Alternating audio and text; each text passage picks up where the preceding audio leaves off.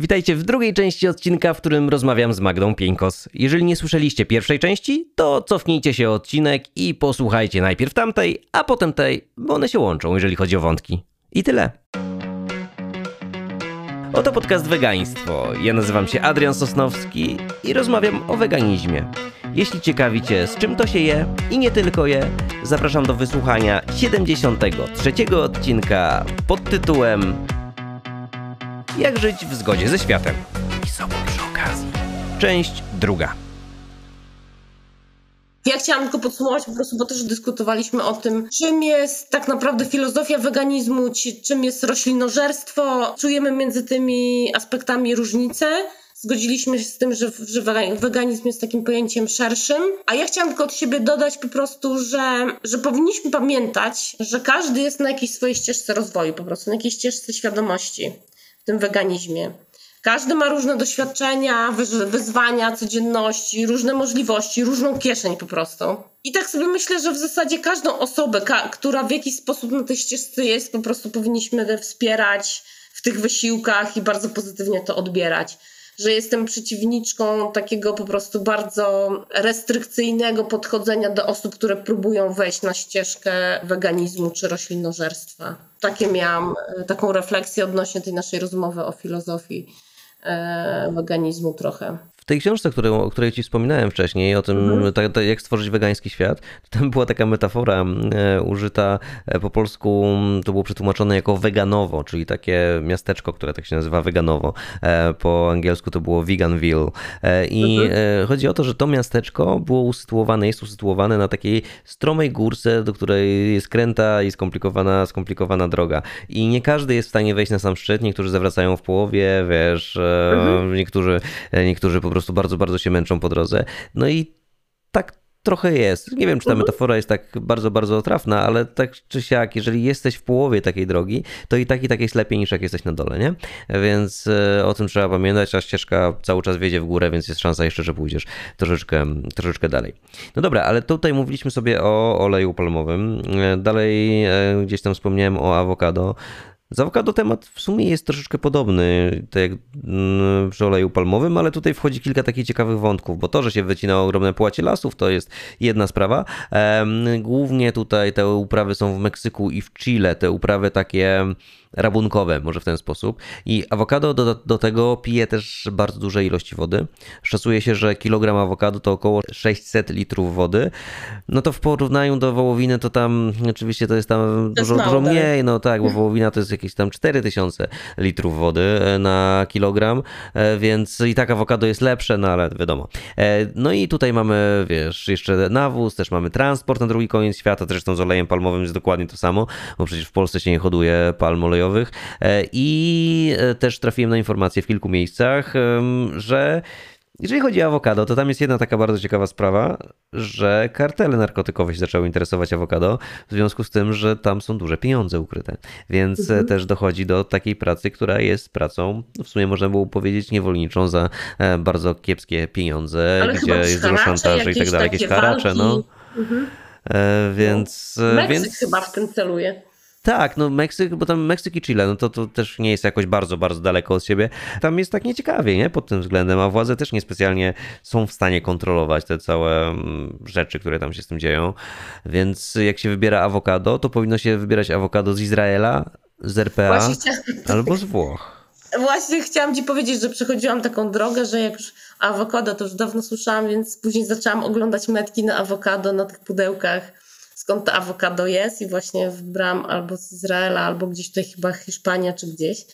Ale później, wiesz, dochodzi całe rozterki związane z tym, że to awokado znowu leci do nas, że ono w jakiś sposób znowu hodowla tego awokado, uprawa. Poza tym ostatnio, a to jest do sprawdzenia, ale to jest mega ciekawe, że awokado e, się jakby nie kupuje nasion, kupuje się sadzonki, że one są certyfikowane a to wrzucam ci do pogłębienia, bo to mhm. mi znajomy o tym opowiadał. Ja miałam to sprawdzić, że to jest od tej strony takiej w ogóle, wiesz, jak Monsanto kiedyś było, że musisz kupować od nich później te ziarna, nie? Jak już mhm. raz zmodyfikowane. No to ponoć z awokado też tak jest, że ty kupujesz sadzonki. Bo awokado normalnie jest niedobre, to takie dzikie. To, co my jemy, to jest w ogóle, wiesz, jakiś to nie jest awokado, o, taka naturalna sobie rosnąca gdzieś roślinka. I niestety, szkoda, bo w sumie teraz, jak w rozmowie z tobą dopiero mi się to przypomniało, e, a muszę to podrążyć. Jak znajdę, to ci po prostu linka wyślę, ale to już tak trochę off topic e, wrzuciłam, że tam jest kwestia z tymi sadzonkami. One są chronione certyfikatami, że kupujesz sadzonkę, ale nie możesz, nie, nie, nie masz pestki i nie, z tej następnej pestki nie masz drzewka awokado. Ale ty ja wysadzę awokado z pestek. No ale właśnie. czy urosło ci awokado? No nie, no ale te awokado normalne e, to mają, chodzi, wiesz, bo... ale one mają do 10 metrów, no to ja nie mam 10-metrowego domu, one nie? Więc wiesz. jakby chodzi o powtarzalność no. owocu, żeby on był no, no. dobry. A no nie wiem, no to tutaj moje awokado, zresztą tam, bo my tutaj jesteśmy na kamerce, więc y, generalnie możesz zobaczyć, że ono u mnie tutaj jest z tyłu. O, masz, dobra, okej. Okay. Tak, jest, jest. Miałem, miałem jedno sporo, sporo większe, ale już e, chyba przeżyło swoje po prostu i, okay, okay, i padło. E, ale generalnie dość regularnie, jak mhm. regularnie, no raz na rok sadzę nowe awokado, może w ten sposób, nie? Mhm. I ja staram się z kolei wybierać awokado, które jest, nie jest z Meksyku, może w ten sposób, jeżeli kupuję, ale nie kupuję bardzo no często. Mhm. I co jeszcze? No ale mogę też potwierdzić przez to, że to, te awokado mam, mam w domu, że one faktycznie żłopią wodę no, niesamowicie. Tak. I to jest tak, mhm. że wiesz, wlejesz całą doniczkę wody, tam wszystko pływa, to i tak, i tak wszystko jest okej, okay, nie? E, więc e, no... Zamykając, ja też przestałam, już teraz bardzo rzadko kupuję awokado. Znaczy, przeszłam tą drogę, że najpierw patrzyłam na to, gdzie ono jest wytwarzane, później myślę sobie, okej, okay, to może ja bardzo lubię też awokado z malinowym pomidorem, kocham. E, z chlebem razowym uwielbiam, e, ale myślę sobie, no dobra, po prostu zostawiam sobie, to jest wiesz, w takich zakupach, decyzjach konsumenckich, też o ciuchach, o tym przemyśle odzieżowym, też mówiliśmy, że zastanawiam się sobie tak świadomie, czy to jest moja potrzeba, czy to jest moja fanaberia. No dobra, no to jest tak, ale wiesz, jest jeszcze jedna kwestia, no bo to, że ty sobie nie zrobisz kanapki z guacamole w domu, no to to jest jedno, nie? Ale e, potem jesteś, nie wiem, jedziesz do Krakowa na chwilę i tam sobie zachodzisz do kawiarni i masz trzy tosty wegańskie, jeden z nich jest z, z awokado i co, nie wybierasz tego z awokado w ogóle wtedy, czy wiesz, czy no, jeżeli... No czasem wybiorę, No właśnie, no. nie? Czy idziesz sobie do knajpy meksykańskiej i nie zjesz sobie na czosów z Zdradzę ci, że guacamole? ja nie za kuchnią no, meksykańską. Wiesz, więc tam byś mnie chyba nie złapał. O jeny. Nie, No dobra, no ale tak, tak, tak, wiesz, chodzi mi o to, że, że ograniczenie e, tego, co jesz w domu, albo jakby e, zastanawianie się nad tym, skąd pochodzi awokado jeszcze w obrębie tych zakupów, które robisz sama, no to jest jakieś tam wykonalne, nie? Ale jeżeli już e, czasami jadasz na mieście, no to oczywiście, że możesz mhm. nie wybierać tych produktów, ale um, no nie masz pewności, że w restauracji nie podadzą ci awokado, które jest z Meksyku na przykład, nie? A wiesz, no naprawdę bycie weganinem w restauracjach, e, nawet no, wegańskich, ale to, to, trochę mniej, ale generalnie jest już stosunkowo upierdliwa. Jeżeli jeszcze mam się pytać, skąd jest wasze awokado, no to wiesz, to, to, ja dziękuję bardzo, to mi się nie chce, Tylko, nie? widzisz, to fajną więc... rzecz e, dotknąłeś, bo to jest taka, gdzie jest właśnie granica perfekcyjności w czymś. I znowu wracam trochę do tej zasady Pareto. No że moja filozofia jest taka, że ja co do zasady nie jem mięsa pod żadną postacią. Nie jem też żadnych produktów odzwierzęcych, ale uczciwie zdarza mi się zjeść na przykład trochę miodu wrzosowego, który mam sprawdzony pszczelarza, od którego kupuję słoiczek miodu wrzosowego. Prawdopodobnie część wegan by mnie zaraz za to udusiła za ten miód. Ja rozmawiałam z nim, jak wygląda polityka grabieżcza wobec pszczół i zdarzało mi się kupić słoiczek miodu wrzosowego i go zjadłam.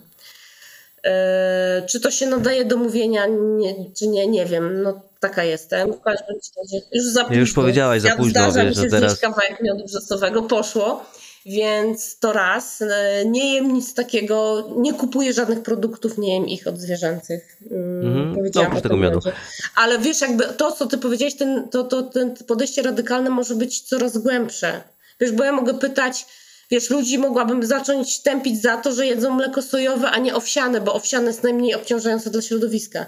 E, no dobra, tylko wiesz, to też chodzi o to, że trzeba no sobie właśnie, postawić jakieś granice. Mówię, no. Dla mnie jednak tym takim, tym takim najważniejszym wyznacznikiem jest, e, mhm. jest jednak cierpienie zwierząt i w momencie, kiedy mogę ograniczyć cierpienie zwierząt, to no ograniczam. to sposób, zobacz, przepraszam, e, jeszcze Ale ten to, rodzaj czy... aktywizmu, tak jak ty prowadzisz no. bloga. Ja staram się w sposób, mam wrażenie, że mam też dużo Podcast, podcast. Ty prowadzisz bloga, ja prowadzę ale podcast. Bloga, ale nie, nie, bloga to mówionego. Nic, to, to, to, to nic, nic, nic.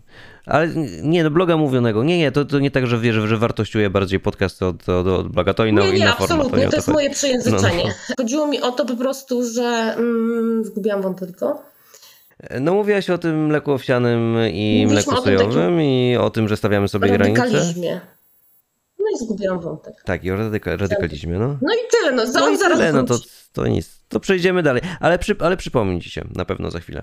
Ten radykalizm, no wiesz, no trzeba z głową, no mi generalnie chodzi o to, że jeżeli tam jest cierpienie, no to absolutnie nie, albo, no tak, no to, to tak jak, jak bardzo się nie da, to po prostu na tej zasadzie, yy, czyli jak bardzo się da ograniczyć cierpienie, no to jest, to jest to, ale jeżeli tam jest tak, że wiesz, że mogę zużyć mniej wody albo troszeczkę więcej wody i zjeść takie orzechy albo takie orzechy, to to dla mnie nie ma aż takiego znaczenia, bo i tak i tak uważam, że mój, mój sposób żywienia, to, że jestem troszeczkę bardziej świadomy e, niż niektóre osoby, nie chcę powiedzieć niż przeciętny Kowalski, bo szczerze mówiąc nie wiem jak to jest w Polsce z tą świadomością, E, no ale załóżmy, że jestem w tej grupie troszeczkę bardziej świadomej, e, no to i tak i tak sprawia, że mm, jakby przyczyniam się do mniejszego zużycia wody, to że wiesz, że e, w domu jak myję zęby, to nie puszczam kranu, czy tam staram się oszczędzać w miarę, w miarę możliwości. Nie można dać się zwariować, bo jednak pamiętajmy o tym, że my też żyjemy i żyjemy też dla siebie troszeczkę. I to nie jest jakby w żadnym wypadku um, argument, który pozwala nam robić wszystko, co nam się żywnie podoba. E, bardziej chodzi mi o to, że nie możemy zatracić się w tym, znaczy zrobić tak, żeby stracić całą przyjemność z życia i w ogóle wszystko, co z tym życiem się jest związane. Nie możemy poświęcić całkowicie tylko zamartwianiu się o los planety i robieniu wszystkiego, żeby było, bo skończymy, e, żeby było dobrze, bo skończymy na piciu wody, albo nawet nie na piciu wody i nie wiem, jedzeniu ziemi, nie? To wiesz co, to chyba przypomniało mi się yy, już z czym straciłam wątek, że po prostu każdy ma swoją granicę yy, aktywizmu. I dlatego powiedziałam, że z jednej strony są rzeczy, które są, znasz, zgadzamy się z tym, że nie ma weganizmu jakiegokolwiek bez yy, nieużywania zwierząt, mówiąc wprost, jakoś tak upraszczając. Ale o te granice chodziło mi o to, że nie jemy mięsa, nie jemy produktów odzwierzęcych, a później zaczyna się cały obszar aktywizmu, w którym możemy się realizować tak czy inaczej. Czyli ty możesz mieć podcast, ja mogę mieć bloga. Ja spotykam się z moimi przyjaciółmi, oni widzą, jak ja jem, ja ich częstuję moim jedzeniem i powiem ci, że ten wpływ jest ogromny na moje otoczenie. U mnie moja rodzina zmieniła się bardzo, jeśli chodzi o żywienie. Moi przyjaciele zmienili się, jedzą, zwracają na to uwagę. Ja wiem, jak bardzo to się absolutnie po prostu odmienia. Przez to, w jaki sposób możesz o tym opowiadać, odpowiadać też pozytywnie. Może, można być częścią organizacji aktywistycznych, można brać udział w protestach, manifestach, można być w Radzie Miasta, można być, e, wejść w politykę z tymi poglądami można się przyczepiać do drzewa, można robić wszystko. I teraz, gdzie jest ta granica? Moja osobista, to już od każdego z nas zależy. Ty ją pokazałeś w tym miejscu, że robię tyle, ale mam też inne życie. Czyli masz swoją granicę i to jest super. I każdy ją gdzieś może ma w innym miejscu. Jedni są tacy, jak e, obserwacja świata pokazuje, że są w stanie e, w ramach tego swojego aktywizmu oddać własne życie. Są tacy, którzy po prostu nie jedzą mięsa i produktów odzwierzęcych i to wszystko jest super, żeby to było w zgodzie z tą osobą. Tak, żeby sama ta osoba siebie nie krzywdziła, żeby, żeby ta, to działało trochę jak kręgi na wodzie. Czyli jeżeli ja się dzielę pozytywnymi emocjami, pozytywnymi efektami moich wyborów życiowych, jakim jest weganizm, filozofia wegańska, to ludzie to widzą. I chcą to poznać, chcą się tym dzielić. No i myślę, że w ten sposób odpowiedziałaś trochę na pytanie, które gdzieś tam zadałem na początku tej rozmowy, czyli co to znaczy być wystarczającym wobec siebie i wobec świata, wobec świata przede wszystkim, wobec zwierząt. E, I ja myślę, że każdy powinien sobie na to pytanie Absolutnie. odpowiedzieć sam. To jest taka e, odpowiedź mocno wymijająca e, to z mojej strony, ale tak, no bo właśnie mamy w różnych miejscach te granice. Ona nie jest wymijająca, bo po prostu nie ma innej odpowiedzi, wiesz, bo jak gdybyś powiedział, że jest jakiś punkt, E, od którego ktoś jest lub nie jest weganinem takim innym, to byłoby bardzo kontrolujące i narzucające, a mnie cieszy każda zmiana pozytywna. To jak wspomniałam wcześniej, że cieszy mnie, że ktoś jadł je dwa kotlety, a jadł kiedyś pięć kotletów. No mnie też cieszy, ale jakoś tak trochę umiarkowanie, ale cieszy. Ogólnie cieszy mnie, cieszy mnie zmiana e, no. i Bo wiem, że to się rozwija, no, że za rok no właśnie, się, że wcale No właśnie, nie, no to, to, to, to, to chodzi, żeby to szło troszeczkę do przodu przede wszystkim i żeby trochę jednak otwierać oczy. Mnie cieszy bardzo, jak ludzie zaczynają dostrzegać zwierzę, zwierzęta. Powiem ci, że przed tym, jak zacząłem rozmawiać tutaj z tobą, miałem um, spotkanie z panią profesor, profesor Heinderek, z Joanną Heinderek e, i rozmawialiśmy tam, um, no taki tam, taki krótki wywiad mieliśmy w ramach e, promocji Marszu Wyzwolenia Zwierząt i ona bardzo dużo mówiła o tej podmiotowości zwierząt i o tym, że ona by chciała, żeby mm, chciałaby żyć w takim świecie, w którym ludzie zauważają zwierzęta, zauważają, że zwierzęta są, są jednostkami. I to jest coś, co mm, mnie cieszy najbardziej tak naprawdę, jak e, rozmawiam z ludźmi i jak dostaję feedback po różnego rodzaju rozmowach, czy też po e, odsłuchaniu podcastu. Właśnie to, że ludzie zaczynają dostrzegać zwierzaki jako, jako jednostki, jako jednostki czujące, jako jednostki żyjące, zaczynają przesuwać tę swoją granicę takiej świadomości, e, bo od tego zmienia się dużo i jak dla mnie to jest bardzo wartościowe podejście, że jednak czujemy w ten sposób, ale przy okazji zdaję sobie sprawę, że wiele osób będzie miało gdzieś to, jakie są zwierzaki, czy są jednostkami, czy nie są jednostkami, czy czują, czy nie czują i trzeba ich motywować w inny sposób. I to jest ta smutniejsza kwestia. Trzeba, a wiesz co, ja mam trochę smutniejszą konstatację, bo z poziomu świata jemy coraz więcej mięsa jako ludzie, więc... Tak, Niestety. ale to tak wiesz, jeżeli chodzi o Polskę, to też Polska teoretycznie produkuje więcej mięsa niż produkowała, ale jedzenie mięsa się zmniejsza, no, no. więc to mhm. idzie na eksport i generalnie my działamy lokalnie i staramy się rozchodzić na e, działania globalne, ale wiesz, ciężko z punktu widzenia jednostki mieć, e, żebyśmy mieli wpływ na przykład na mieszkańców Chin, na przykład, nie? Absolutnie, absolutnie. Mhm. Natomiast wiesz co, dodałabym jedno zdanie, mam wrażenie, że mówisz o tym upodmiotawiania zwierząt, że dzieje się taki proces, proces Zgadzam się, natomiast mam wrażenie, że jest coraz większa miłość e, i wręcz uczłowieczanie tych naszych pupilów w domu. E, natomiast e, ja nie wiem, czy tak silnie zmienia się to w kwestii zwierząt hodowlanych mimo wszystko. Okej, okay, ale wiesz, to troszeczkę przesuwamy. W sensie w ostatnich latach zaczęły pojawiać się mm, reportaże robione przez otwarte klatki na przykład. Wiesz, ale to my je czytamy prawdopodobnie. Ale nie, w, w, głównym wydaniu faktów na przykład A, okay. się, no się, tak, się pojawiały. Pamiętam dwie mhm. takie sytuacje, możliwe, że było ich więcej. Wiesz, te śledztwa gdzieś tam wychodzą tak. e, na e, światło dzienne. E, w Polsce, co jest bardzo ciekawe, rozmawiałem ostatnio z mm, gościem z Compassion in World Farming i on zajmuje się kampanią Przerybane, gdzie tam no, tak. Generalnie chodzi, chodzi o ryby i mówi, że e, mówi, że świadomość w Polsce, jeżeli chodzi o cierpienie ryb, jest zaskakująco wysoka. Zaskakująco dlatego, że jesteśmy, e, w, wybijamy się na tle Unii Europejskiej. E, więc te wszystkie kampanie, które były skierowane na cierpienie karpi, zaczęły działać i przynosić pewien, e, pewien efekt. Więc to się gdzieś przesuwa. My teraz, jako, jako społeczeństwo, co, co coraz częściej, wiesz, gdzieś tam pojawiają się historie, że ktoś zatrzymuje ruch, bo jeże przychodzą, e, tak, wiesz, tak, tego typu rzeczy. Jesteśmy coraz bardziej e, zwróceni też w stronę tych zwierząt dzikich i na nie sobie trochę otwieramy oczy, tak. co oczywiście ma też e, złe reperkusje, bo generalnie chodzi o to, że w związku z tym pojawia się ten efekt taki wyolbrzymiany bambinizmu, o którym mówią często myśliwi, ale nie, nie chodzi mi o, o ten bambini w pojęciu myśliwych, czyli po prostu no takim trochę prze, przeinaczenie całej, całej, całej, całej historii, tam wiesz, bo u nich bambinizm, dla nich bambinizm oznacza jakiekolwiek zwrócenie się w stronę zwierząt, ale tak naprawdę e, jeżeli chodzi o bambinizm, to ten, ta, ta zła wersja jest taka, że ludzie często jak spotykają w lesie leżącą sobie sarenkę, to myślą, że jest taka sama i zostawiona, ją głaszczą, nie wiem, sobie robią zdjęcia tak. i tak dalej, bo jest taka urocza, a potem się okazuje, że odtrącają matkę i to jest ten, to jest bambinizm, który jest szkodliwy, to jest rzecz, tak. która, e, której powinniśmy się wystrzegać, ale to niestety wiąże się też ze wzrostem takiego, wiesz, poczucia, że zwierzęta są mhm. fajne, wrażliwości, tak, dokładnie, dokładnie. E, no ale dobra Magda, bo znowu uciekliśmy, uciekliśmy, a mamy jeszcze kilka tych produktów, o których powinniśmy opowiedzieć, dlatego że myślę, że dla niektórych osób, które nas słuchają, ciekawe jest to, dlaczego czekolada może być nieetyczna, bo ja na przykład nie wiedziałem, zanim nie zacząłem e, sobie czytać do tego odcinka. O tym. To jest najsmutniejsza część tej historii, bo jak. No właśnie, smutne, smutne strasznie. No to wiesz, co jak ale czekolada to jest cios kurczę w plecy no. ehm, nożem. No bo tak, pod kakaowce też wycinamy lasy. To myślę, że można było się tego spodziewać. Tylko, że tutaj dochodzi jeszcze sposób zbioru, który jest nieetyczny. I tutaj nawet nie tyle chodzi o zwierzęta, zwierzęta w sensie pozaludzkie, tylko o ludzi, bo 70% zbiorów ziaren kakaowca pochodzi z zachodniej Afryki, a tam pracuje ponad 2 miliony dzieci.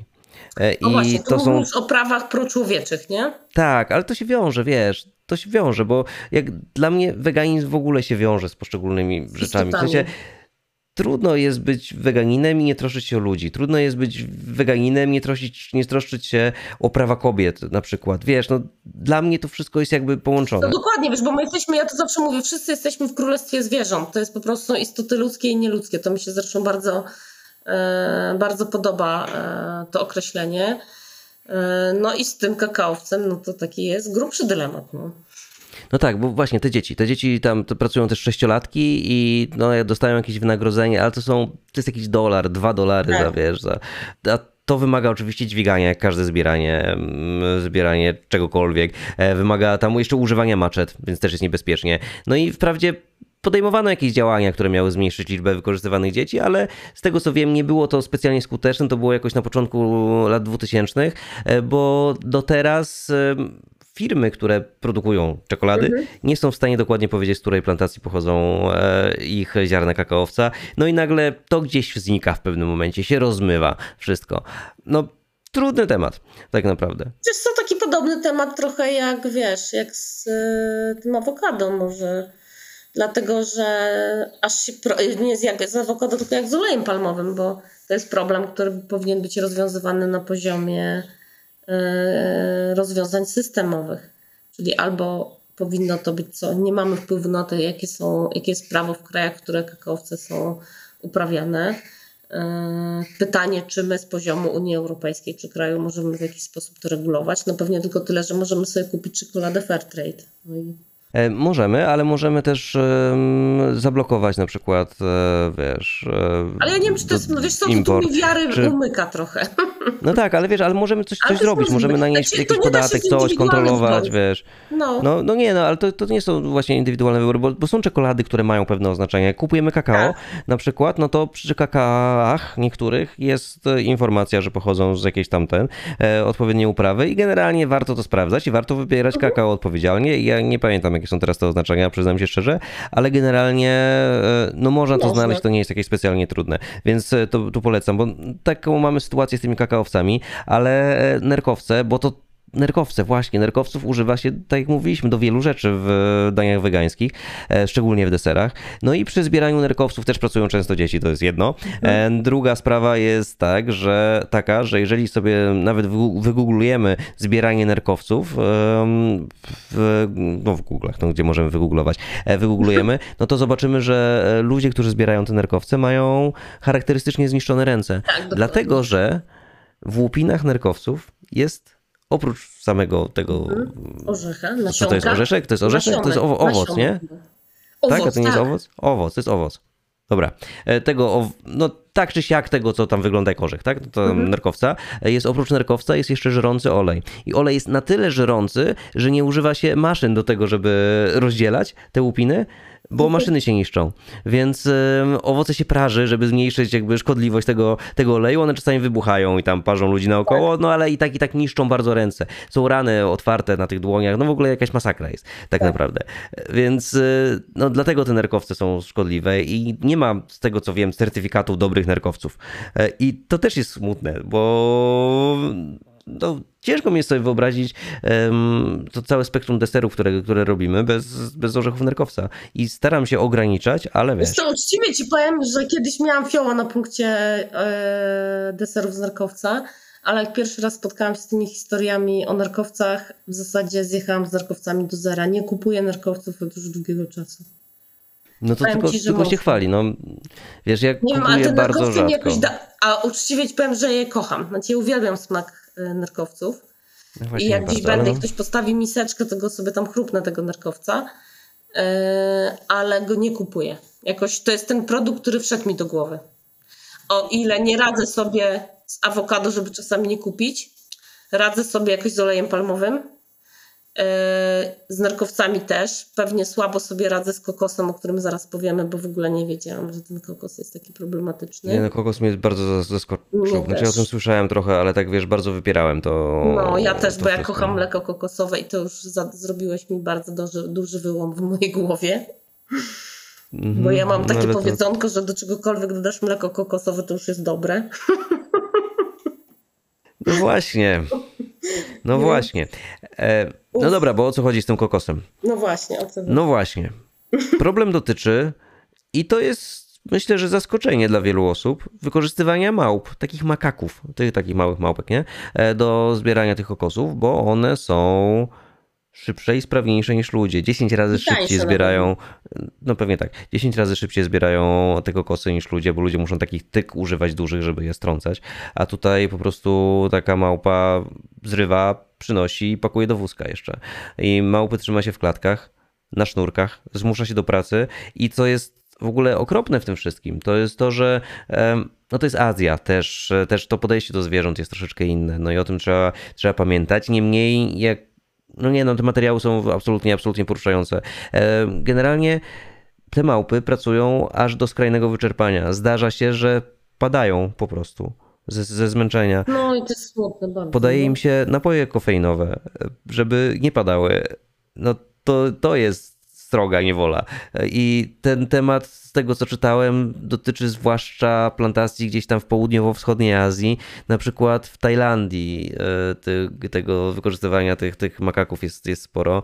I dlatego też niektóre organizacje mm, proekologiczne ogólnie i prozwierzęce nawołują do bojkotu produktów na bazie kokosów z tej części świata. I ja nie wiem, właśnie... czy Tajlandia nie jest głównym producentem no chyba jest. Chyba jest. Ale ja nie wiesz, rzadko spotkać chyba skąd inąd niż z Tajlandii. Wiesz, ja jestem w ogóle bardzo, bardzo też zaskoczony, bo widziałem te zdjęcia, czytałem te reportaże, nie? Ja wiem, że to się dzieje, wiem też, że to się nie dzieje na każdej plantacji. Na przykład jakiś czas temu na Instagramie wyświetliła mi się reklama e, misek kokosowych. Mhm. Taki z kokosa, łupina kokosa. No i w ogóle historia jest tam prześwietna, bo był jakiś, nie wiem, tam Amerykanin, Niemiec, no obojętnie, ktoś ze świata trochę zachodniego, który pojechał do Tajlandii i stwierdził, że jest przepięknie i w ogóle super e, i chciał um, zacząć, bo tam jest takie miejsce, gdzie rosną bardzo dużo tego kosy i widział, że tych łupin jest wyrzucanych naprawdę masa, więc on stwierdził, że zrobi, pomoże trochę lokalnej społeczności, zrobi z tego biznes e, i zaczął e, te kokosy, zatrudniać ludzi, żeby te kokosy przecinali, e, tam je potem szlifowali, tam polerowali i tak dalej i je lakierują i wysyłają, czy nawet nie lakierują i wysyłają je do Europy za nieduże pieniądze, ostatecznie można mieć miskach kokosa. Prześwietny biznes. No i jak widziałem, jak oni tam zrywają te kokosy, to tam nie ma mowy o makakach, no chyba, że po prostu nie ma mowy w tych filmach promocyjnych, ale generalnie, wiesz, no tam to jakoś wyglądało tak normalnie, tak jak możemy, powinniśmy powinniśmy sobie, znaczy tak jak powinno być chyba, tak po prostu, jak możemy sobie to, sobie to wyobrażać, ale te Myślę, że są i takie, takie wersje. Z makakami to jest jakiś kurczy kosmos, nie? No pytanie właśnie jaka to jest skala, nie? Bo to jest pewnie do zbadania temat. Eee, w ogóle to łupiny kokosa to się w ogóle eksportuje jako też sposób na opał chyba. Też palenie ekologiczne. Eee, ja sama przywiozłam takiego ptaka, z, teraz sobie przypomniałam z Tajlandii, z z kokosa, ale robiony ręcznie przy mnie, więc mhm. E, nie wiem jak to było. Ale z tym kokosem to mi po prostu tutaj zatrzymałeś mnie bardzo. Ja myślę, że ja sobie w ogóle tam podrążę ten temat, bo to mnie zaciekawiło, bo ja rzeczywiście o tym w ogóle wcześniej nie, nie spotkałam się z tym, o właśnie nieetycz, nieetyczności e, produktów z kokosa, z orzecha kokosowego. No i to jest mnie smuci, to znaczy smuci, a mnie z drugiej strony bardzo nie zaskakuje. No wszędzie tam, gdzie jest jakiś sposób na zarabianie i możliwość korzystania z e, istot słabszych i jest człowiek, no to zazwyczaj to się dzieje, nie? No tak, bo wiesz, bo jest jeszcze pewna różnica, jeżeli się wykorzystuje tak jakby trochę za kulisami, tak jak tutaj, nie? Przy, przy takim kokosie, bo wiesz, no tam turyści raczej nie wchodzą na plantację kokosa. No jasne. Tak? No bo po co, nie? Dla Tam... turystów na pewno są plantacje, które są. Na super. pewno są bez tak, bez, bez makaków. E, ale jest, wiesz, zupełnie inna historia, kiedy na przykład masz przejażdżki na słoniach gdzieś tam, nie? Gdzie jak przyjeżdżają turyści i w pewnym momencie przestają chcieć jeździć na słoniach, tak. no to te słonie się wycofuje stamtąd, no bo to nie jest biznes już, nie? Mhm. Więc wiesz, na tamto możesz mieć wpływ, ale na to kiepsko. Nie. Wiesz, ja mam jeszcze taki, ja mam jeszcze taki problem właśnie i z kokosem, i z nerkowcami, że społeczność wegańska ogólnie korzysta z jednego i z drugiego i to w dużych ilościach. I y, społeczność wegańska możliwe, że bardziej przyczynia się do tej eksploatacji pośrednio tak. y, niż społeczność niewegańska. Więc wiesz, z jednej do strony my chcemy być bardzo mhm. w porządku, tak, my chcemy e, być w porządku wobec zwierząt ludzkich i pozaludzkich, a tutaj okazuje się, że robimy bardzo często nieświadomie rzeczy, które nie są w porządku. No ale wiesz, Adrian, to jest też tak, że my nie rodzimy się z wiedzy doskonałej. E, cały rozwój człowieka polega na tym, że my jesteśmy gotowi odkrywać, też e, gotowi do zmiany. Więc jeżeli ja też mam takie podejście, jeżeli dowiaduję się nowych rzeczy, jeżeli odkrywam coś, staram się z tego wyciągnąć wnioski. I teraz, jeżeli rozmawiamy o tym kokosie i o tym, jaka jest odpowiedzialność moja, czy tak jak fajnie pokazałeś, że prawdopodobnie ten kokos i te nerkowce to my roślinożercy mamy w tym duży udział. Mało kto je regularnie tak mleko kokosowe jak weganin. Ale jeżeli ja sama siebie bym miała być reprezentatywna, no to ja jem tego mleka kokosowego regularnie kupuję, może nie jakieś hektolitry, ale jednak. Ale jeżeli dowiaduję się nowych rzeczy, to ja się przed nimi nie zamykam. Po prostu sprawdzam źródła tych informacji i staram się korygować moje działania. Jeżeli się okaże, a nie mam przesłanek, żeby w to wątpić, że tak jest z mlekiem, to jak znam siebie, pewnie zacznę się nad tym zastanawiać i pewnie zacznę go mniej używać. E, no bo taka jest po prostu kolej rzeczy. Ale pewnie będzie się zdarzało, że dalej, od czasu do czasu go użyję. Znaczy, wiesz, to są ja takie dylematy, no po prostu. Tak, ja odkąd o tym przeczytałem, to zastanawiam się, jak, e, jak to zrobić, żeby mm, kupować troszeczkę bardziej etyczne mleko kokosowe. No właśnie, ale na razie nie mam, nie mam rozwiązania. Nie, nie mam, nie mam, no gdybym miał, to ci powiedział, ale Wiesz nie co, mam. no by trzeba było sprawdzić dokładnie po markach. No ja znam, mam no. jedną ma markę mleka, które kupuję w delikatesach azjatyckich, którą lubię. Lubię w kartonikach te mleka, nie w puszkach. Mhm. Tych puszkach nie kupuję. No i teraz się zastanawiam, czy byłabym w stanie dotrzeć i znaleźć informację, czy ta marka, którą ja kupuję w miarę regularnie, yy, jak to wygląda. No. No myślę, że mogłoby być, myślę, że mogłoby być ciężko, ale raczej e, chyba odwrotnie trzeba było tego poszukać, czyli no. E, po śledztwach, które były prowadzone tak. no, no, po no. prostu i zobaczyć, wiesz, gdzie one były i wtedy zobaczyć powiązanie, ale od dołu drabinki do, do góry, nie? A nie od mhm. góry do dołu, e, bo możliwe, że będzie troszeczkę łatwiej wtedy. Ja na pewno też będę trochę o tym czytał. Nie wiem, zobaczę, może mi się uda znaleźć jakiegoś eksperta od e, kwestii kokosów e, i zobaczymy, czy... czy wąska czy, czy, specjalizacja. To, wąska specjalizacja, wąska specjalizacja, tak? E, no, wąska specjalizacja, ale zobaczymy. Może ktoś ze słuchaczy zna eksperta od kokosów. O właśnie, tak. E, to jak tak, to zapraszam, Albo dawajcie. po prostu ktoś spotkał się z takimi efektami jakiegoś śledztwa dziennikarskiego lub innego. No, no właśnie, żeby wiedzieć przynajmniej czego, czego unikać, bo e, to ja przeczytałem e, w dwóch różnych miejscach, czytałem właśnie o tych, o tych historiach z, z małpami i tam nie było podanych kon konkretnych marek, bo może też się okazać tak, że e, po prostu masz plantację i plantacje jadą na skup, wiesz, jest to mhm. sprzedawane tak jak u nas rolnicy robią, to nie wiesz dokładnie zazwyczaj z, wiesz, z którego miejsca, z jakiego pcimia tam trafia, wiesz, trafiają maliny, nie? Które jesz no właśnie, więc, więc, więc, więc tak pcimiatek też trochę lekceważąco powiedziałem. No z jakiej miejscowości generalnie oczywiście bardzo doceniam no, wszystkich hodowców, znaczy hodowców, no wszystkich, którzy tam uprawiają te maliny, tam i one rosną i wszystko jest w porządku. Bardzo fajna robota e, i nawet myślałem jakiś czas temu, czy nie zająć się borówkami, ale dużo schylania się, więc wiadomo. No, no dobra. to nie wiem, się schyla. No, a krzaczki, a jak zbierasz tych krzaczków? No trzeba, nie wiem, no jakoś tak usiąść na krzesełku. E, no właśnie, widziałem e, filmik na, na TikToku, no bo gdzie oczywiście się ogląda filmiki, e, o tym jak właśnie zbiera się na dużych plantacjach w Stanach Zjednoczonych borówki i oni mają no. takie... Mm, takie szufelko-grzebyki. W sensie takie jakby szufelki szero, szerokie i z takimi grzebieniami na końcu. Ale poczekaj, które, wiesz, jagody zbiera przecież w lasach. Tutaj w Karkonoszach no jest full jagód. I tak ale tak nie można zbierać jagód w lasach przecież. No wiem, to, ale zbierają. Bo to niszczy roślinki, to, wiem, o to ale... chodzi.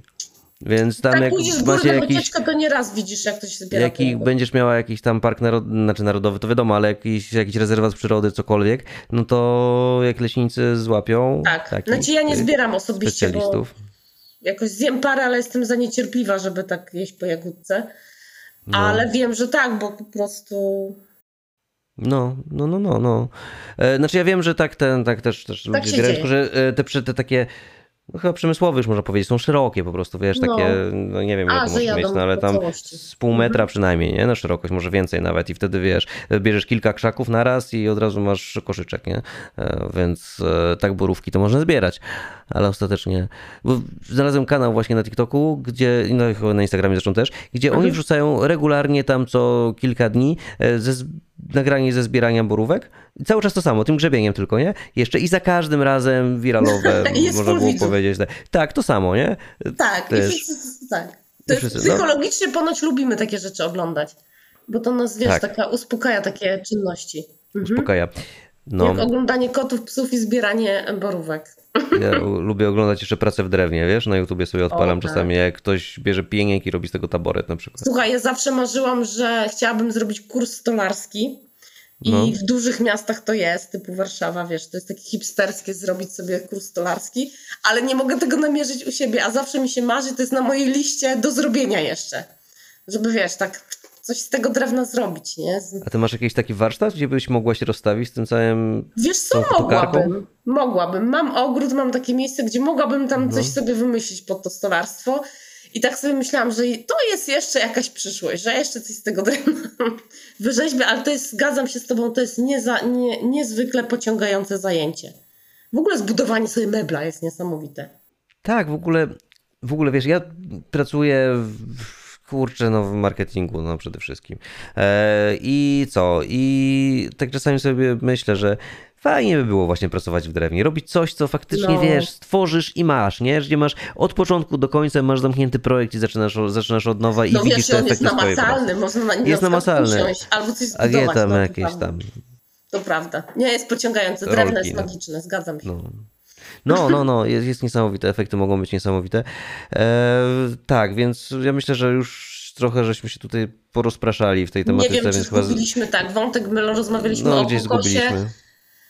E, o nerkowcach, o awokado jako najbardziej takich trudnych owoc- o, w produktach. Nie wiem, czy, czy nam coś takiego zostało e, trudnego, wiesz. No pewnie Myślę, że ludzie musieliśmy też dużo to- wieszają na soi, ale to już jest jakiś gruby inny temat, więc...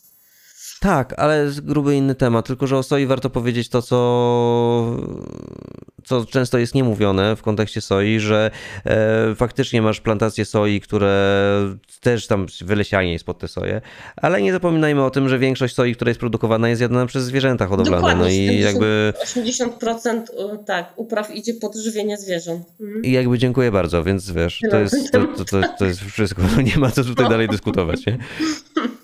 Więc prawda. tak. A często ci się zdarza w ogóle, że em, musisz wdawać się w takie, w takie dyskusje a propos swojego stylu życia? Wiesz co, coraz rzadziej. To znaczy, em, em, ja mam taki zawód, że Ty mieszkasz na końcu świata też w ogóle, więc wiesz. Tak, nie? ale wiesz co, ja bywam w różnych miejscach. Taka jest też moja praca. Jestem też tre- trenerką zarządzania projektami, uczę tego, jestem, specjalizuję się w tym. Też trochę pracuję w obszarze doradztwa. I często trafiam w takie miejsca, wiesz, to z nienacka wychodzi, czyli jest wspólna kolacja, albo są jakieś tam takie rzeczy i nagle, a to nie, ja dzięki, ja coś dostanę bez mięsa, wiesz, zadajesz pytanie, Mhm. więc wszyscy dookoła lub wcześniej musisz zaznaczyć, że chcesz mieć coś bez mięsa i tak dalej to w zasadzie w tych momentach, no bo moi przyjaciele bliscy wiedzą, tutaj nie ma dyskusji, dużo z, i z nich też nie je mięsa, więc w ogóle to nie jest temat żaden. Ale w takich sytuacjach, no to od lat to się już dzieje, to było wezwa, wyzwanie, bo jeszcze kiedyś jak, wiesz, był jakiś catering, ktoś wjeżdża 16-15 posiłków, albo kelner wystawi, a kto jest tam bez mięsa, nie? Mhm. Więc ręka do góry. No i wtedy to zawsze powoduje pytania, a dlaczego ja nie jem mięsa? No i te pytania oczywiście się zmieniały z biegiem czasu. One są coraz mniej takie inwazyjne. Ja miałam wrażenie, że to kiedyś było dosyć agresywne mimo wszystko. To jest zawsze sposób wykazywania mi, że ja nie mam racji. A teraz mam wrażenie, że to jest takie otwarte, że więcej jest w tym ciekawości. No, chyba trochę tak, bo ludzie kiedyś byli tacy bardzo, znaczy kiedyś byli, to jest generalizowanie duże, nie? Ale No tak, ja spotykałem czę- lubię, ale moje często z tym, doświadczenia że... były. No właśnie, ja się często spotykałem z tym, że e, to takie było tra- pobłażliwe traktowanie, a tam wiesz... Tam, Albo tam, fanaberie. No, znowu kiedyś z to tak babcie traktują. Moja tak. babcia tak miała, ty dalej nie No, no, No, no, kiedy skończysz tę dietę dziwną, nie? No. E, tak, kiedy, kiedy skończysz się odchudzać. E, Tak. no. E, ale wiesz co, bo na tych spotkaniach takich w, w pracy, czy właśnie jakichś takich kolacjach biznesowych, tego typu rzeczach, to jest jeszcze o tyle trudna sytuacja, że nawet jeżeli ktoś ci coś tam zarzuci, to ty jesteś jednak w dość formalnej albo półformalnej sytuacji, więc wiesz, ciężko jest wejść w taką, e, w takie odbijanie piłeczki, bo czasami zależy ci Mhm. Na tym, żeby, tego, wiesz żeby klient Tak. został klientem, nie? Wiesz co, to nawet nie o to chodzi, bo to jest y, nieproduktywne. Ja bym nawet Mhm. mogła, tylko że to jest nieproduktywne. Jest taka granica, gdzie od, nauczyłam się to wy, wyczuwać już po latach, że jeżeli jest pytanie dlaczego, ja odpowiadam, że po prostu to jest mój wybór etyczny. Ja czasami z grubej rury po prostu. Mhm. E, I nie mówię, że nie mięso, że to jest zdrowe albo niezdrowe, tylko mówię, a mówię, a ja nie wiem, mogę o tym opowiedzieć jak chcesz. I część Mhm, osób ja zada jakieś inne pytanie, a część powie, a okej, nie? I część powie jak zwykle, a ja nie wyobrażam sobie życia y, bez czegoś tam. Długi opis, jakiego rodzaju mięsa nie wyobrażę sobie nie mieć na talerzu. No, no, no, to się zdarza. Ale to już znamy. Wszyscy ludzie, którzy nie wiedzą, to myślę, że, że, że tych e, sposobów odpowiedzi jest kilka i każdy je usłyszał. Natomiast wydaje mi się, że jest w tym dużo więcej otwartości. Dużo ludzi później zagląda mi w talerz i mówi, e, twoje jest lepsze. No, bo to wiesz, wygląda. wygląda często, często bardziej tak, ja kolorowo, też a poza następnym tym razem zamówię sobie. Tak. właśnie w restauracjach też często, czy w jakichś tam cateringach bardziej się starają, bo to wiesz, jedna, jedno danie czy dwa dania, nie? Więc wyjątkowa sprawa. Ale powiem ci, że Mhm. jakiś czas temu miałem taką sytuację, że e, mechanik mnie zasko- zaskoczył, samochodowy, bo i to nie, nie pozytywnie, e, bo przyjechałem Aha. tam zostawi, zostawić auto i się okazało, że on zaczął się chwalić tym, że był na polowaniu i jakiego ładnego tam byka ustrzelił, nie? I tak wiesz, i pokazuje mi te zdjęcia, ja mówię, wie pan co, ja no nie, nie specjalnie chcę to oglądać, generalnie mm, to Nie tak, bardzo. te- nie, nie bardzo, nie, mi, mi tyle, że Mówi, nie, ale polowanie tutaj, ochrona natury, coś tam, to, tamto, zaram to, ale to mówię, nie, nie, nie, nie, mówi, ale co, chyba nie jesteś jakimś weganinem czy coś. Ale tak wiesz, i tutaj się zastanawiałem wtedy, czy powiedzieć mu, że jestem i się narazić, czy powiedzieć, że nie jestem i mieć dobrze naprawiony Że samochód, jesteś nie? przednie tam No właśnie, właśnie. Nie no, powie, powiedziałem, że jestem, ale generalnie jego sprawa, tutaj się nie wdawałem nic, nic więcej, chociaż e, no tak niespecjalnie dużą sympatią darzę, darzę myśliwych, to muszę przyznać, e, ale no tam już jak przyjechałem autem, to chciałem, żeby wiesz, Chciałeś wyjechać. być w stanie domu. wyjechać i nie zapłacić wiesz, 15 razy tyle, co powinienem, nie? E, za to. No to prawda. Aczkolwiek cały czas gdzieś tam... Gdzieś tam Optymistycznie mogę powiedzieć, że no. mam wrażenie, że to jest już dużo mniej takie agresywne nastawienie. Kiedyś miałam wrażenie, albo może to było w mojej głowie, nie mam pojęcia, że dużo bardziej jestem atakowana, że nawet jak się wycofuję i mówię, okej, możemy się różnić, to jest kwestia podejścia do siebie i do życia, z taką chęcią zamknięcia tego, że możemy sobie porozmawiać o rzeczach, które nas łączą, to miałam wrażenie, że kiedyś było dużo więcej drążenia, czyli że jednak częściej zdarzało mi się, że ktoś mi chciał udowodnić, że to nie jest dobre rozwiązanie. Ale wiesz co, może ja się przestałam tym przejmować, Ale wiesz co, chyba- świat idzie do przodu, jakoś się Ale chyba rozwija. coś, coś, coś w tym jest, wiesz, bo ja też bardzo dawno nie słyszałem em, takiego argumentu, że ale przecież to jest niezdrowe, ale będzie ci brakowało Tak. tego, tamtego, siamtego. No. No. nie, nie, raczej, ale raczej ludzie mówią, a ja bym tak nie mogła, bo tam kurczaczka to muszę, albo bo jajka lubię, albo nie, jeszcze mięsa to mogę zrezygnować, ale mleka to sobie nie wyobrażam. Tak, tak, tak, to te historie są zawsze. No. Ja wiesz co, czasami jeszcze mówię coś takiego, że wiesz co, jak się ktoś mówi, a to nie jest zdrowe chyba, nie? No to się zdarza, a ja mówię, wiesz co, a tam zerknij na dane epidemiologiczno-statystyczne, jakie jest w, czu- w czubku przyczyny e, śmiertelności ludzi w Polsce. Jakie to są choroby, nie? No. I ktoś tam mówi, a ja mówię, no właśnie, a wiesz skąd się bierze te krążeniowe, wieńcowe, cukrzyca, nie? No, najczęściej. Więc jakby wiesz i tak, No. no może. I wiesz, to jest zawsze takie koncyliacyjne bardzo. Jak ktoś mówi, że to jest niezdrowe, to ja mówię, tak, dieta wegańska może być niezdrowa. Mhm. I ktoś mówi wtedy od razu, no właśnie, a ja mówię, no tak samo, jak będzie źle zbilansowana, to i dieta wegańska jest niezdrowa, i wiedza dla w- w- wszystkożerców jest bardzo niezdrowa, jak jest źle zbilansowana, więc w sumie zgadzamy się, mówimy o tym samym. No I tak, wiesz, tak, jeszcze to znika wtedy ta bariera. Tak, to w sumie jest dość, dość ciekawe. Mówisz, e, jakby to, nie że- zaprzeczam, no. bo przecież sam wiesz, że dieta wegańska, jak ktoś nie potrafi, może być źle zbilansowana. No oczywiście, że może być źle zbilansowana, ale dieta mięsna też może być źle zbilansowana. Dokładnie No wiesz, to, to, jest, to jest dokładnie to samo, nie? Tak, jak- tak, tak jak mówisz. No, ja też jeszcze czasami jak ktoś mi mówi, no ale weganie są tacy słabi, tam nic nie mogą zrobić, zobaczy, za chwilę będzie się czuł. Tak. Mówię, tak? Ty, ty, ja o tam, ile, 7 lat już, e, wiesz, jestem weganinem i jakoś się trzymam. Wiesz, chodzę na siłownię, sobie ćwiczę tak, tutaj, coś robię moje elegancko, nie? badań? No, więc wiesz, wszystko jest okej, nie? Podejrzewam, że mam lepsze od ciebie. No ale wiesz. No tak, no ale niektórzy Życie. mają bardzo głęboko zakorzeniony ten, e, ten, ten bunt wobec weganizmu, bo to jednak. Bo ja myślę, że to o to chodzi, że to jest jednak takie zaprzeczenie ich wizji świata, tych niektórych osób. Tak, myślę, W sensie- że to są w ogóle wzorce takie, wiesz, to są wzorce Dokładnie. kulturowe, społeczne, no to, to jest Od silne i dziecka ci mówią, że świat No. wygląda tak, a nie inaczej. A tu pewnie. nagle przychodzi jakiś ktoś, kto swoją postawą pokazuje, że świat może wyglądać inaczej. I mówi ci gdzieś tam, właśnie swoją postawą, że to, co ty robisz, to jest krzywdzenie, że to jest pełne zła i nienawiści, czyli że ty jesteś złym człowiekiem. I no i to jest takie, kurczę, no, no wiesz, no nikt ci nie chce, nikt nie chce usłyszeć, że no sorry, postępowałaś co, źle ale i pamiętaj, naprawdę... że jest, jest, były te badania takie, które ba, e, wielkie, chyba jakieś brytyjskie, które wskazywały na to, jaki grup ludzie najbardziej nie znoszą. No weganie są wysoko.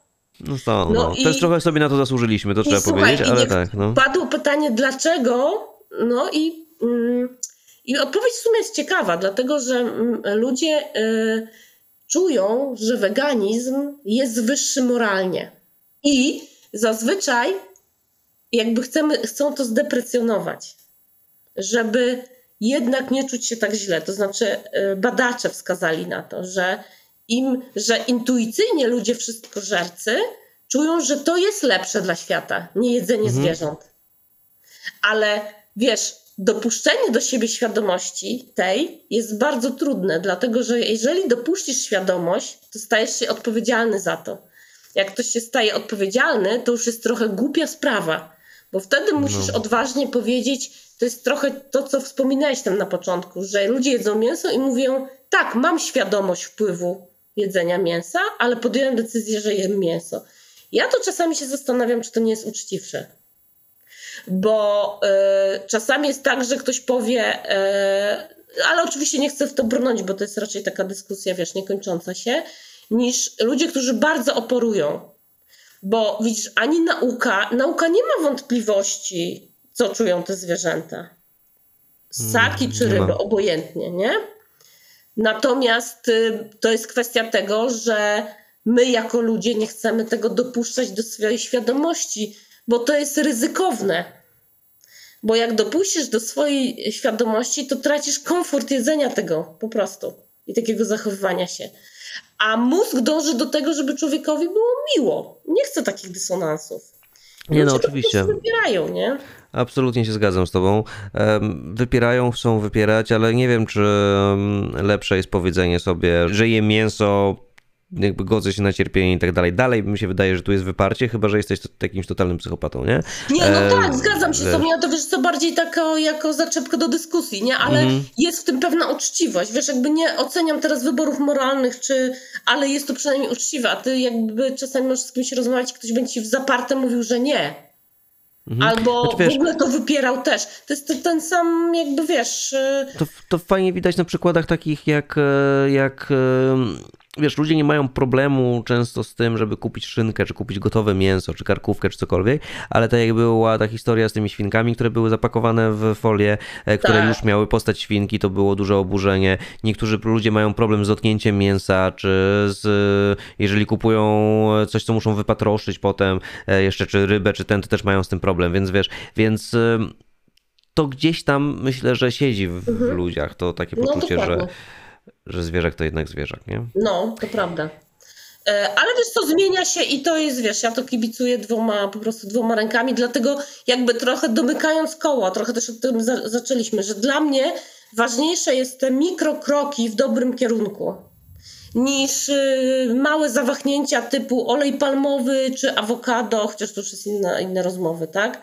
No to są inne rozmowy, ale wiesz co, mi się wydaje, że świadomość jest bardzo ważna e, tego wszystkiego, co się dzieje. w ogóle nie ma e, nic bo ważniejszego niż świadomość. Dzięki temu jesteś w stanie podejmować słuszne decyzje, jesteś w stanie się zastanawiać nad różnymi tymi rzeczami i wspierać po, odpowiedzialne akcje i też wybierać odpowiedzialnych polityków, więc... E, świadomość jest najważniejsza, bo świadomość przynosi odpowiedzialność.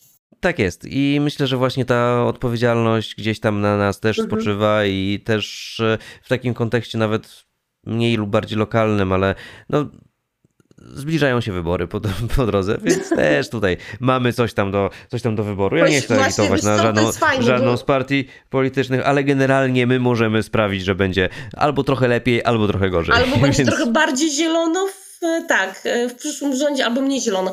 To jest w ogóle szalenie ważne, bo my temu w sumie daliśmy chyba najmniej uwagi, że nie zadzieją się zmiany prośrodowiskowe i prozwierzęce, proczłowiecze, E, jeżeli e, nie zmieni się takie podejście systemowe. To jest po prostu niemożliwe. Znaczy, my możemy dokonywać mikrowyborów, ale to będzie wszystko dużo wolniejsze po prostu. A ja mam wrażenie, że jeśli chodzi o środowisko, nie mamy aż tak dużo czasu. Mm, a jeśli chodzi no o mamy zwierzęta, no to szkoda no tego czasu, bo to są po prostu żywe istoty, nie? No pewnie, że tak, pewnie, że tak. Im dłużej zwlekamy, tym więcej cierpienia jest jeszcze i więcej, więcej tych złamanych losów e, też e, gdzieś tam. Dobra, e, tym aspektem, nie wiem czy pozytywnym, czy negatywnym, nie no, wiem, jakimś takim no. pomiędzy, generalnie wyzwaniem do, wyzwaniem do działania. Tak, życzymy tak. rozwoju świadomości i tym wyzwaniem do działania, żebyśmy mm, robili dobre rzeczy i byli najlepszą wersją siebie, tak, tak. slogany możemy no tutaj machnąć. Zapomina- generalnie... Nie zapominając, że tym jesteśmy, co jemy. Tak, tym jesteśmy co jemy, bądźmy wystarczający i zastanówmy się, co to znaczy dla nas być wystarczający, bądźmy, żyjmy sobie w duchu weganizmu i dążmy do tej idei, ale, idei, ale pamiętajmy, że to jest, to jest idea tylko, więc e, żeby nie musimy tylko się zadręczać, aż, jeżeli... To są jednak mali przyjaciele jeszcze kończąc tak jest, tak jest. taką rzeczą, która nie wiem, czy będzie optymistyczna, ale ona bardzo du dużo na, e, jakby wpłynęła na moją świadomość, i to nawet nie wiem, czy właśnie też nie Dariusz Gzyra w jakimś e, eseju nie pisał, że cierpienie zwierzęcia wbrew pozorom jest dużo gorsze niż cierpienie człowieka, jeśli chodzi o doświadczenie bólu, zamknięcia, dlatego że my jako ludzie mamy zdolność abstrakcyjnego myślenia i prognozowania przyszłości, czy, planowa- czy czucia przyszłości. I zawsze jak dzieje nam się krzywda, typu cierpienie, uwięzienie, przemoc, to jesteśmy w stanie uleczyć siebie trochę, myślą, że ktoś nas z tego wyratuje. Po prostu, to jest nadzieja. Zwierzęta natomiast nie odczuwają nadziei. I kiedy one są w cierpieniu, czyli doświadczają przemocy, doświadczają cierpienia fizycznego i psychicznego, dla nich to cierpienie jest wypełnia ich w 100%, dlatego że nie są w stanie odczuwać nadziei i wyobrazić sobie, że coś ich. Yy, ratuje, w jakiś sposób wyciąga ich z tej sytuacji. Mnie to ogromnie poruszyło, że nam się wydaje, że to ludzie cierpią, a ja mam wrażenie, że to właśnie zwierzęta czują, cierpią dużo bardziej niż my, bo właśnie nie odczuwają w tym wszystkim żadnej nadziei po prostu. I może to jest też jakiś sposób na to, żeby kogoś przekonać. Nie jest to jakieś bardzo pozytywne zakończenie, ale mam wrażenie, że prawdziwe i to jest najsmutniejsze w tym wszystkim, że faktycznie te zwierzęta, e, co więcej, one tak naprawdę przecież są, żyją w tym zamknięciu od, od początku. One nie, znaczy od początku, od początku ich życia. tak? Więc one nie znają innego życia, one nie znają tego, czym może być trochę szczęścia, trochę spokoju, trochę czegokolwiek innego niż cierpienie i samotność, nie? I ciężkie warunki. Wiesz, no przede wszystkim nie mają właśnie zdolności do tego abstrakcyjnego mhm. myślenia jak my. Dlatego są zawsze 100% w tym miejscu, w którym są. E, I my się w sumie też tego od zwierząt uczymy. Ja się zawsze śmieję, że mój pies jest moim nauczycielem zen. E, I coś w tym jest, bo zwierzęta są w tej czynności, w tej emocji, w którym w danym momencie przebywają na 100%. E, I to dotyczy nie tylko radości, którą my obserwujemy u naszych zwierząt domowych, albo tęsknotą za nami, radością na nasz widok, e, całą tą ich rozmową, bo przecież my z naszymi zwierzętami rozmawiamy, czujemy, widzimy, co do nas mówią. A te zwierzęta, które są po tej drugiej stronie, czyli są nie stworzone do kochania, tylko do używania w jakiś sposób, tak samo doświadczają tych emocji na 100%, tylko te emocje są zupełnie inne. Ja jak o tym myślę, to mam ciarki po prostu i może to jest zakończenie niepozytywne, ale jest, tak jak powiedziałaś, jest prawdziwe. E, I wiesz, jest dużo rzeczy, w których można się pośmiać, pogadać, porozwijać, e, poanalizować awokado, kokosy i tak dalej, ale rzeczywiście no, weganizm wszystko sprowadza się właśnie do tego, żeby patrzeć na zwierzęta jako na istoty czujące przede wszystkim, po prostu czujące. Mhm. Tak, tutaj z Tobą się zdecydowanie zgadzam. Pamiętajmy o tym, że nasze wybory mają wpływ na rzeczywistość, w jakiej żyjemy, na świat, w jakim żyjemy e, i że tymi małymi rzeczami jesteśmy w stanie naprawdę sporo zmienić. Nie bójmy się mówić o tym, e, dlaczego podejmujemy pewne decyzje, nie bójmy się podejmować tych decyzji. No i tyle, i twórzmy razem, razem troszeczkę lepszy, lepszy świat. No i to jest rzecz chyba najważniejsza. Na tyle, na ile jesteśmy w tym stanie, na ile jesteśmy w tym momencie w stanie robić. No, to jest ważne. Dokładnie. Dobra, Magdo. W taki oto sposób myślę, że kończymy. Dwie godziny bardzo nam gdzieś strzeliły. Tutaj tak, ja Tobie bardzo dziękuję, że zgodziłaś się po oczywiście odpowiedzieć na moje zaproszenie. Z jednej strony, że dałaś się poznać i mi bardziej, i słuchaczom bardziej, i że poświęciłaś tyle czasu na rozmowę ze mną o tych rzeczach wegańskich i około wegańskich e, i o tym pograniczu całym, więc no super, że nam się udało. Tak, bardzo się cieszę. Może te, tyle. Mi również cieszę się, że Cię poznałam, cieszę się, że tu jestem, a przede wszystkim to, że trochę mi przywróciłeś energię do tego, żeby wrócić do bardziej intensywnego yy, zaangażowania w mojego bloga, bo trochę go opuściłam, a teraz jak tak rozmawialiśmy i pomyślałam o tym, że w sumie to też jest ta przestrzeń, gdzie jak mogę być bardziej aktywna po prostu. Także za to też bardzo Ci dziękuję. Nie ma sprawy, generalnie polecam się na przyszłość. E, tak czy siak, e, Magda Dziękuję. prowadzi bloga, bo możemy powiedzieć, że prowadzi, mimo że tam była mała przerwa teraz, e, tak. prowadzi bloga Niebieski Migdał i zaraz do niego wraca, więc zapraszamy Was serdecznie do zaglądania zarówno na stronę internetową, Bardzo. jak i na Instagram. Bardzo. Nie wiem, czy tam masz jeszcze jakieś media społecznościowe oprócz Instagram, Instagrama. Facebook. Tak, Instagram, tak, Facebook, tak? Klasycznie, dobra. No to Instagram Facebook, Niebieski Migdał. Magda też ma konto prywatne na Instagramie, ale tam nie będziemy zapraszać. I co jeszcze? No i tyle. I już wszystko. Ja tak. zapraszam też jeszcze gdzie? Zapraszam, zapraszam też do mediów społecznościowych wegaństwa, których trochę jest, bo to oczywiście z tego odcinka można posłuchać i innych na Spotify i innych platformach streamingowych, ale też na YouTubie. Tam też pojawiają się shorty i mamy też TikToka i Instagram i Facebooka i mam nadzieję, że więcej nie będzie, bo nie mam już na to wszystko czasu. E, zatem tyle. Zapraszamy serdecznie i słyszymy się w najbliższy poniedziałek. To było wegaństwo z Magdą Pieńkoś. W sumie dwa odcinki. Fajnie było. Dziękuję Ci Fajnie. bardzo jeszcze raz. Trzymaj Dzięki się. wielkie. Miłego wieczoru i do zobaczenia. Do usłyszenia. I do zobaczenia. Na razie. Hej, hej.